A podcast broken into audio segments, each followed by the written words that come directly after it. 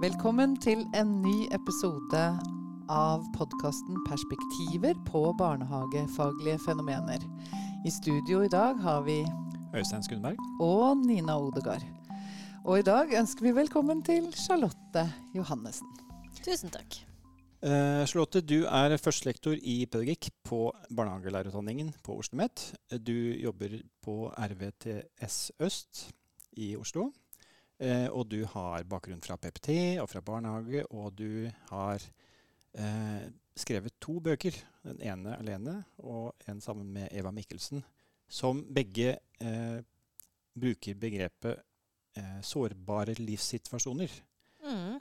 Og jeg tenkte vi kunne begynne med å snakke litt om det uttrykket. Eh, hva vil en sårbar livssituasjon si for barn? Du, Det kan jo bety mange ting, men i denne sammenhengen, i forhold til de bøkene som du nevner, som jeg har skrevet, og det jeg har jobbet mye med, så handler det om eh, omsorgssvikt, vold og overgrepstematikk. Eh, jeg liker å snakke om barn i sårbare livssituasjoner fremfor å snakke om sårbare barn. Eh, for det kan handle om eh, Hva skal jeg si Barn kan ha sårbare elementer med seg. Mm. I form av at de kan ha medfødte utfordringer eller temperamentsmessige utfordringer eller slike ting. Men det er mange barn som eh, får noen utfordringer fordi at de vokser opp i en sårbar situasjon. Altså at de er i en eh, eh, omsorgssituasjon som ikke er eh, nødvendigvis god nok i forhold til den omsorgen barna har behov for. Mm. Eh, og i denne sammenhengen så handler jo da det om, eh, som jeg sa, vold og overgrep og omsorgssvikt-tematikk. Mm. Så det er i denne sammenhengen det jeg legger i innholdet sårbar livssituasjon. Ja, så det er for å skille på eh, det som på en måte bor Eller de vanskene eller utfordringene som barnet eventuelt har, mm. i kraft av fysiske eller eh, sosiale eh, vansker. Og den situasjonen som eh, kommer både utenfra, eller som eh, barnet finnes i. Ja, som barnet er en del av, på en måte. Altså det, vi er jo litt opptatt av å tenke at når vi snakker mye om at barn utvikles i relasjon til det miljøet som det vokser opp i, så kan det være sårbarheter hos barnet, som jeg nevnte. Det kan være sårbarheter hos familien, altså i forhold til da ja, alt fra større grad av fattigdomstematikk til rusproblemer, psykiske vansker, andre tema som gjør at foreldrene strever i sin omsorgsrolle for sitt barn. Eh, og så er det jo eh, kan det også være hva skal jeg si, sårbarheter i eh, andre faktorer i miljøet rundt, som også påvirker familien. Mm. Eh, som foreldrenes altså livssituasjon, bosituasjon, arbeidssituasjon. Og når vi snakker om de minste barna som også går i barnehagen, så er vi opptatt av også å se på hva er på en måte eh, eh, beskyttelsesfaktorer, men også risikofaktorer som kan i en barnehagesetting som kan eh, påvirke eh, den helhetlige omsorgssituasjonen som barnet får. Mm. Sånn at det er jo komplekst og består av mange ting, og det handler om samspillet, samspillet mellom ja, risiko- og beskyttelsesfaktorer på flere ulike arenaer. Det er ikke én årsak alene som f.eks. kan eh, forklare en eh, omsorgssituasjon, eller hvorfor vold og overgrep oppstår. Det er ofte et komplekst fenomen, så det er litt viktig å ha en sånn type systemforståelse med seg. Men det at eh, litt som du sier, så handler det om å trekke det liksom, temaet litt opp. Og ikke tenke at det er pga. sårbarheter i barnet. At det er derfor alene mm. eh, at barnet blir igjen utsatt eller er i en risikosituasjon. For det er sammensatt. Bare for å understreke at det er mange barn som har sårbarheter i seg, som ikke blir utsatt for vold, overgrep og omsorgssvikt. Mm. Ikke sant? Sånn at det kan handle om mange ting. Mm. Så det er bare for å skille litt på det. Det er jeg opptatt av eh, litt sånn ansvarliggjøringen også for den videre utviklingen. At hvis du setter den merkelappen på barnet, da, sier at du er sårbar, du, så er det noe med hvem er det som har ansvaret for at du ikke skal bli sårbar lenger, da. Eh, det er jo de voksne rundt og hjelpesystemene rundt.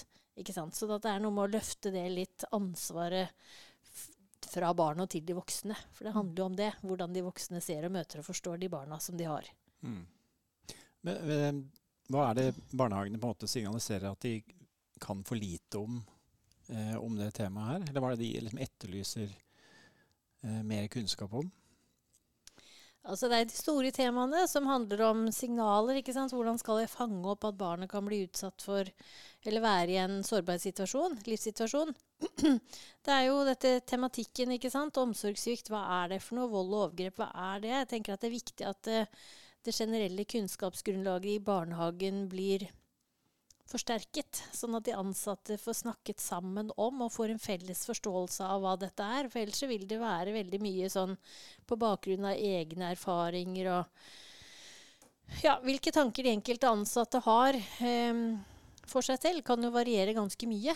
Men eh, hvis vi får opp et litt sånn felles kunnskapsgrunnlag om hva dette er, hvordan det kommer til uttrykk, hvilke signaler er det barnet sender til de voksne om at de kan ha det vanskelig eller være i en vanskelig situasjon, så vil det være enklere for de ansatte å se og forstå hva dette kan handle om. Fordi at eh, når vi jobber med små barn, så er det jo sånn at de sender mange signaler til oss som handler om endringer i følelsesmessig og atferdsmessig fungering, og så er det noen barn som forteller og snakker. Små barn de snakker med følelsene, og de snakker med kroppen. Så det å forstå liksom, at dette uttrykket, denne endringen, Kunsten har mange hypoteser. Det kan være, uh, handle om andre ting. Men en hypotese vi også må våge å tenke på, det er hvordan er barnets omsorgssituasjon. Skjer det endringer i hjemmesituasjonen? Er det belastninger? Hva, på hvilken måte skal vi se og forstå barnas uttrykk, sånn at vi kan bli sterkere i det å tørre å tro at det kan skje? For da har vi muligheten til å gjøre noe med det. Og komme i tidlig posisjon til å hjelpe barn og, og familier. Så det er mye med det, med tegn og signaler. Og så er det jo nettopp eh, Hvordan skal vi hjelpe barna, da? Hvis det er sånn. Mm. At de befinner seg i en sånn situasjon. Hva skal vi gjøre?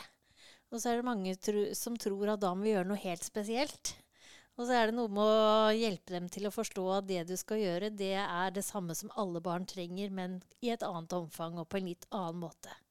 Eh, sånn at det handler jo litt om å bygge opp den generelle kompetansen, eller grunnkompetansen, i personalet om hva, hva er god omsorg, hva er trygghet, hva, hvordan skal jeg være en viktig um, ja, en viktig annen, en viktig omsorgsperson for barnet når barnet er i barnehagen. Hvordan kan jeg hjelpe og støtte opp om um, hva barnet trenger? Og også i de fleste tilfeller så skal man jo samarbeide tett med familien, ikke sant? med foreldrene. Og det er det også mange som lurer på. Hvordan skal jeg snakke med foreldrene om dette, her? Hvordan skal jeg ta det opp? Eh, kommer de til å bli sinte på meg? Mm. Kommer de til å begynne å gråte? Blir, og nå, da, hvordan kommer jeg til å reagere da? Så litt sånn sitt eget repertoar. Jeg tenker at det er mange overlevelsesstrategier her som også handler om de ansatte selv, altså de voksne selv. Eh, deres egne ja, eh, følelser og redsler, kanskje, i forhold til eh, det at de tenker at dette kommer til å bli utfordrende og vanskelig. Så derfor så venter jeg, og så ser jeg litt, og så tar jeg litt lengre tid. Og så, ja. Men tiden går da for barna, sånn at uh, det er noe med å styrke dem i det. At det er viktig at de fortsetter eh, hva skal jeg si, grunnleggende samarbeidet med familiene, men at de også kommer tidligere i posisjon overfor foreldrene. Og tenke å formidle at dette gjør vi av omsorg, ikke for å ta dere på noen måte. Men det er fordi at vi bryr oss om hvordan dere har det, og fordi vi sammen skal være et godt omsorgsmiljø for barna. Eh, både hjemme og i barnehagene. Hvis du skal gi noen eksempler Jeg tenker tilbake på min tid som styrer og barnehagelærer. Ja, hvis du skal gi noen sånne eksempler på hvordan vi kan være den støttende andre eh, Hva ville du sagt til en barnehagelærer? Liksom, det første man gjør eh, hvis man skal liksom være til stede for disse barna som du, du mistenker at kanskje Kanskje mistenke er et dårlig ord, men altså, du kjenner at det er noe. Mm. Men hvordan kan du være den andre? Mm. Ja, Det som jeg blir opptatt av da, det er jo, som jeg var inne på, det å tenke at ikke det er noe helt spesielt dette barnet trenger, men de trenger mer av det som alle små barn trenger, mm. og det er trygghet. Det er tillit. Det er at du skal være en omsorgsperson. Det betyr at du er nødt for å engasjere deg emosjonelt. Du må være nysgjerrig på den andres eh, opplevelser, den andres erfaringer, og så må du våge å stille deg selv spørsmålet hvordan hvordan gir jeg uttrykk for at jeg er en trygg voksen mm. som du kan stole på, som du kan være med? Eh, vi snakker jo mye om det, og når vi snakker med personalet i barnehagene, så sier de ja, jeg, jeg tror jeg er trygg. Jeg tror jeg er en trygg voksen. Jeg er en omsorgsperson. Og da blir jeg alltid nysgjerrig, da. Mm. så sier jeg hvis jeg var barn her, hvordan kunne jeg merke det? Mm. Ja, men jeg sier jo det. Ja, du sier det. Det er med ord. Men hvordan kan jeg merke det hvis jeg var Ja, hvis jeg var et yngre barn eller et lite barn i barnehagen, så blir jo de opptatt av alt det andre enn ord. Ikke sant? Fordi at eh, hvis de lever i en ustabil eller en eh, sårbar situasjon, livssituasjon hjemme, så bruker de jo ofte veldig mye krefter på å skanne omgivelsene her. Hvem er det jeg har? Hvem er trygge for meg? Hvem kan jeg åpne meg for? Hvem er det som ser og forstår mine behov? Og det gjør de også på andre arenaer, f.eks. i barnehagen. Så det å tenke litt sånn, på hvilken måte er det jeg formidler med ord, med kroppen, med, med repertoaret mitt, med følelsene mine, hvor jeg er plassert, eh, og det der med inntoning og engasjement, være til stede og tilgjengelig. For det er det som bidrar til å skape trygge eh, relasjoner for små barn. For jeg tenker på Det er akkurat som man ja, Når jeg tenker tilbake, da, så tenker jeg på situasjoner som styrer, f.eks., hvor jeg, jeg visste ikke sant? Jeg visste at det var noe. Eh, men jeg visste bare ikke hva. og jeg var i gang med prosesser også. Men da var jeg jo ofte tettere på barna, og Mm. det tror jeg de merket òg. Mm. Så det, det var bare det å si at jeg hadde et åpent fang, da. Mm. Og veldig ofte så, så, så tuslet det et lite barn inn på kontoret. Ja, ja. Og bare kjente at det var godt å kunne sitte på det fanget og lene Mm. ryggen inntil. Og så jeg fikk kanskje en telefon eller satt og skrev Mm. litt. Men de hadde det fanget, da. Mm. Som de kjente. Og kanskje var det godt også at de kunne trekke seg litt ut Mm. eh, av avdelingen. Mm. Så bare det i seg selv tror jeg kanskje bare For du snakker om det med kroppslige signaler, og det syns Mm. jeg er litt spennende. Mm. Man merker det. Og så tror jeg kanskje kanskje den andre merker det hos deg. Mm. Og det tenker jeg vi må ta litt mer på alvor, kanskje. Det er litt sånn de store begrepene som jeg snakker mye om i, for, i forhold til eh, barnehagehverdagen. ikke sant? I arbeid med små barn så er det noe med at du skal være den trygge basen. Mm. Ja, hva betyr det, da? Mm. Så er det noen som setter seg ned på gulvet og så sier de, jeg er den trygge basen. Ja vel. Men altså, hvordan sitter du, og hvordan signaliserer du for de rundt deg at du er den trygge basen? Hva betyr det? Mm. Jo, det betyr at du skal jobbe med den følelsesmessige tilgjengeligheten, ikke sant? Eh, og så skal du også selvfølgelig vise engasjement, engasjement, entusiasme, være med barnet i barnets utforsking, ikke sant? For begge deler er viktig. Men da er det noe med på hvilken måte er det du formidler det, sånn at den andre forstår det. Mm. Mm. Og når eh, barnehagene blir usikre på om de trenger noe mer eh, hjelp, eller mm. at de blir bekymra, er det mange som er eh, usikre på, på, på når kan vi kontakte barnevernstjenesten, og hva skal til? Og du var jo inne på det i stad, det der med at mm. man, man er redd for at det mistenkeliggjør foreldrene. Eller, Mm. men, men er det en, en utrygghet der blant eh, barnehagene? Det vil jeg nok si er ganske variabelt. Det er noen som har bygget seg opp mye kompetanse, og som også kjenner godt sine samarbeidspartnere i felten. Og det er det jeg tenker at det handler mest om. Det er å være trygg på hvem kan jeg samarbeide om hva, og bl.a. å vite om at alle hjelpetjenester har en konsultasjonstelefon. At du kan ringe til barnevernstjenesten, du kan ringe til PP-tjenesten, du kan ringe til helsestasjonen for å få råd anonymt og si at jeg jobber med et barn og en familie. Og nå er jeg litt usikker på om de trenger noe mer hjelp enn hva vi kan tilby i barnehagen, og det skal jeg snakke med foreldrene om. Så da, hvis jeg kommer inn på f.eks. barnevernstjenesten, og de sier 'barnevernstjenesten', 'barnevernet kommer og tar ungene' Nei, det var ikke det jeg tenkte på. Da er jeg nysgjerrig på hva vet du om barnevernstjenesten. Og da må jo jeg vite selv hva barnevernstjenesten er, og hva de kan tilby. Fordi at det har jo skjedd mange endringer ikke sant, i barnevernstjenesten også de senere årene, som, som handler om mer eh, ja, ulike former for hjelpetiltak. Det handler om at hvis barnehagen er den som melder, så skal de få en tilbakemelding. De er jo selvfølgelig også eh, De driver jo ikke oppsøkende virksomhet alene, så de er jo avhengig av å få inn eh, meldinger. Eh, fra foreldre selv, eller fra barnehagen i samarbeid med foreldrene, eller også der hvor barnehage og foreldre ikke er enige, så er det jo barnehagens styrers jobb i barnehagen da å si at da ser jeg likevel at det er sånn at vi trenger å samarbeide med noen andre om dette, og det er barnevernstjenesten. Ehm, sånn at jo bedre man kjenner hverandre og vet hva vi kan samarbeide om, og hvordan vi skal samarbeide, jo enklere tror jeg det vil være å også ta kontakt med hverandre. Sånn at um, det er nok fortsatt en del som sitter med noen erfaringer som ikke har vært av de positive. Eh, for en del år siden. ikke sant? Som tenkte at det meldte en gang, og det ble så vanskelig, og det skal jeg ikke oppleve igjen. Og det er da jeg ofte blir litt sånn ja, nysgjerrig og utfordre litt på da hva handlet det mest om? Hvem ble det vanskelig for? Var det for deg, eller var det for barnet, eller var det for familien? Og hvilke, ja, hvilken informasjon har de da om hvordan man kan samarbeide på andre måter eh, nå enn hva man kanskje gjorde for fem eller ti år siden. Da. Så det skjer mye i feltet òg som jeg tenker at eh, de i barnehagen trenger å vite mer om. Eh, dere skriver om samhandlingskultur. Mm. Eh, kan ikke du si litt om hva du legger i det begrepet? Og eh, du snakker om personlige, lokale verdier og mønstre. Eh, det hadde vært spennende å liksom vite litt mer om hvordan vi kan bruke det begrepet. Og, mm. og for meg er det ukjent, i hvert fall. Så fortell oss litt mer, eh, Charlotte. Ja. Vi skiller jo ofte litt på dette med samarbeid og samhandling. Og for mange så i den daglige praksisen så snakker vi om samarbeid. Hvem skal vi samarbeide med da? Eh, og det blir gjerne sånn eh, hva skal jeg si, innad på en arbeidsplass, f.eks. i barnehagen. Eller hvis det er en annen hjelpeinstans inne, så snakker vi jo veldig mye om samarbeid. Men forskjellen på samarbeid og samhandling, det er jo en litt sånn overordnet tanke om at samhandling handler om at det er flere ulike instanser som er inne og jobber sammen. Og at de med hver sin kompetanse jobber med samme barn, med samme familie, eh, mot et felles mål. Og at vi kan bidra med ulike ting. Vi jobber ut ifra ulikt lovverk og ulikt mandat, men vi skal ha respekt for å huske på at det er det samme barnet og den samme familien. Litt sånn hvor mange ganger skal man se og forstå og fortelle sin historie som familie, kontra hvordan skal vi samhandle eller samarbeide godt, da.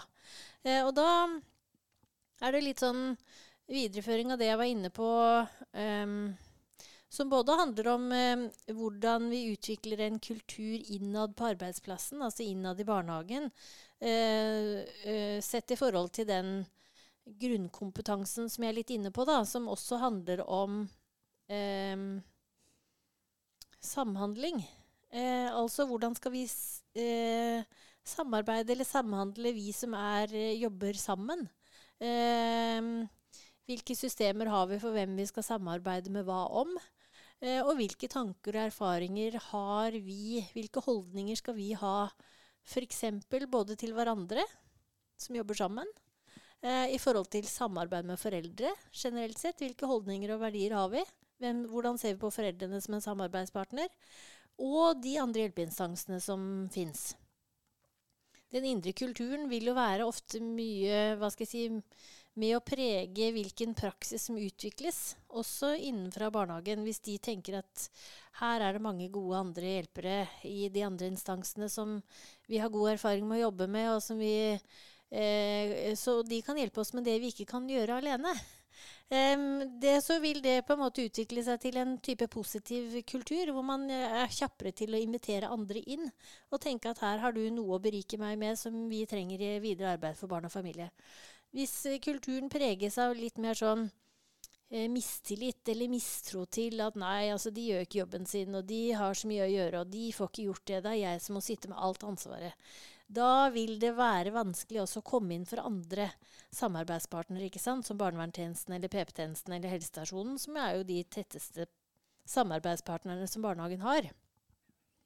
Eh, og samhandlingskulturen mellom de ulike hjelpeinstansene handler jo også mye om å rede grunnen for å eh, jobbe sammen, altså bli godt kjent. Og da tenker jeg også det er veldig viktig for eh, både barnevernstjenesten, men også helsestasjonen og eh, PP-tjenesten å vite godt om alt det arbeidet som gjøres i barnehagen. Fordi at eh, selv om andre hjelpeinstanser også kommer inn, så er jo barnet i barnehagen, og det er det hva skal jeg si, grunnleggende foreldresamarbeidet som også skal skje i barnehagen. Det skal jo fortsette selv om andre hjelpeinstanser kommer inn.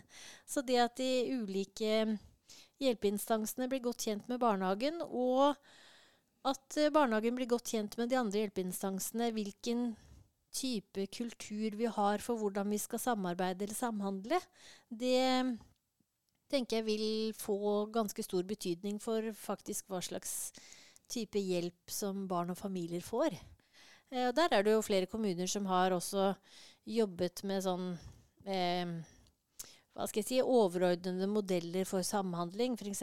bedre tverrfaglig innsats. BTI er jo en sånn overordnet tilnærming hvor, eh, hvor, som gjerne da kommuner implementerer eh, felles. Hvor nettopp noe av hensikten er at de ulike eh, instansene som møter barn og familier, skal eh, utvikle en felles kunnskapsbase eller grunnlag for eh, både hva det betyr å samhandle, selvfølgelig, men også i forhold til tematikken vold og overgrep, eh, omsorgssvikt. Eh, hva legger vi i det, hvordan forstår vi det, hvem skal ha hvilke roller, og hvordan skal vi samhandle eller samarbeide bedre når, vi, når det trengs. Eh, og det er jo med på å bygge opp den felles kompetansen som jeg tenker er med å gi et eh, ja, bedre oppveksttilbud for eh, barn og familier. Det er noe at det må, må, jo ligge på et systemisk nivå. og Det tror jeg varierer ja. veldig fra, fra, kommune til kommune. Hvordan mm. man jobber med eh, tror, eh, Jeg kan kjenne igjen at en del barnehager ikke får den opplevelsen mm. som det du beskriver nå. Og mm. det syns jeg er litt interessant som et sånt eh, det at samhandlingskultur burde ligge på et systemisk nivå. At det mm. burde vært en selvfølge. Mm. At vi kjente til de ulike tjenestene, og at de mm. ulike tjenestene kjente til barnehagen. Mm. De fleste andre hjelpeinstanser har jo også i sitt mandat at de skal delta i tverretatlig samhandling. Eller samarbeid med andre. Og det gjelder barnevernstjenesten, det gjelder PP-tjenesten, det gjelder helsestasjon. de fleste kommuner har utviklet sånn lavterskeltilbud for konsultasjon f.eks. For i form av tverrfaglig utvalg eller tverrfaglig team, som jo skal også eh, være en hjelp på veien til å bli bedre kjent. Eh, men jeg tenker at, eh, eller det jeg blir særlig opptatt av da, hvis det er sånn at enten barnehagen eller andre opplever utfordringer i samarbeidet, så må Eh, de ruster seg opp, og så må de ta sitt ansvar. Mm. Og med det så mener jeg at hvis jeg som ansatt i en barnehage eller som styrer i en barnehage f.eks. syns at, ut, at samarbeidet med barnevernstjenesten er utfordrende, så kan jeg ikke bare bli sittende da på min tue og si at de er helt håpløse, vet du. De gjør jo ingenting, jeg får ikke vite noen ting, og det virker jo ikke, og det skal jeg ikke gjøre igjen. Altså, da må du på en måte ta den telefonen, og så må du si til barnevernstjenesten at her trenger jeg et møte, for jeg trenger å vite hva dere tenker, og vi må snakke sammen om hvordan vi skal samarbeide. Det handler om å ta sitt ansvar også i den samhandlingskulturen som trengs å utvikles. Det er jo ikke tilfeldig, har jeg skjønt, at, uh, at, du kaller det barnevernstjenesten og ikke sier barnevernet. ja, det er et bevisst ordvalg. ja. ja. Hva signaliserer den forskjellen? Det er en tjeneste. En hjelpetjeneste. Altså Barnevernet det syns jeg ofte blir et skjellsord. Det er det som trekkes fram i mediene. ikke sant? Det er de som kommer og tar ungene. Det er alle de store avisoverskriftene. Og så vet jo jeg, som har jobbet i felten i mange år med tverretatlig samarbeid og samhandling, at det er så mange familier som får god hjelp fra barnevernstjenesten. Og det å tenke at det er en hjelpetjeneste De har veldig mange muligheter til å komme inn tidlig, til å gi familier som du ikke skulle tro ville trenge hjelp, hvis du ser dem fra utsiden. Ikke sant? Det at vi, dette med psykiske lidelser, det med sårbarheter eh, i en familiesituasjon, en akutt krise, det kan treffe hvem som helst når som helst. Og det mest naturlige da, det er at du trenger hjelp. Og da er det også godt å vite at hvis du hva skal jeg si, framsnakker barnevernstjenesten da som en samarbeidspartner, så er det veldig sjelden at jeg har opplevd at foreldre sier nei takk, det vil jeg ikke ha. Ikke sant? Når du refererer til Jeg hører at du sier at uh, ja, at det er veldig strevsomt med legging f.eks. Og alt når du kommer hjem fra ettermiddagen og lager mat, og det, alt står på hodet. Og jeg skulle heller gjerne ønske at jeg kunne få noe hjelp og støtte i den situasjonen. Og tenk om noen kunne vært og støttet meg som voksen da i den situasjonen. ikke sant? Da merker jeg at det klikker for meg. Jeg hører at du sier at du kunne tenke deg at du ville trenge hjelp i en sånn situasjon. Da er det f.eks. barnevernstjenesten som har familieveiledere som kan gå inn og jobbe sammen med deg hjemme. Er det noe du kunne tenke deg det? Ja takk. Hvem mm. skal jeg ringe til? Ikke sant? Og så er det selvfølgelig en del andre situasjoner hvor ikke det er like enkelt. Men um, det å huske på som ansatt også i barnehage, at det er en hjelpeinstans, det er en hjelpetjeneste. Det er ikke først og fremst de som skal kjøre saken for retten og ta barnet ut av hjemmet. Ikke sant? Det skjer jo i en del tilfeller, og noen ganger så må det til. Men de fleste som får hjelp fra barnevernstjenesten, det er jo frivillig hjelpetiltak. At det er mye god hjelp og støtte å få. Og da tenker jeg at det, ofte så sitter det inni vårt hode òg, da, eh, som ansatt. Så hvis du i barnehagen tenker at det er barnevernstjenesten, det er en hjelpetjeneste, enn at det blir barnevernet, Mm. hva legger vi i det, så tenker jeg at det er en forskjell.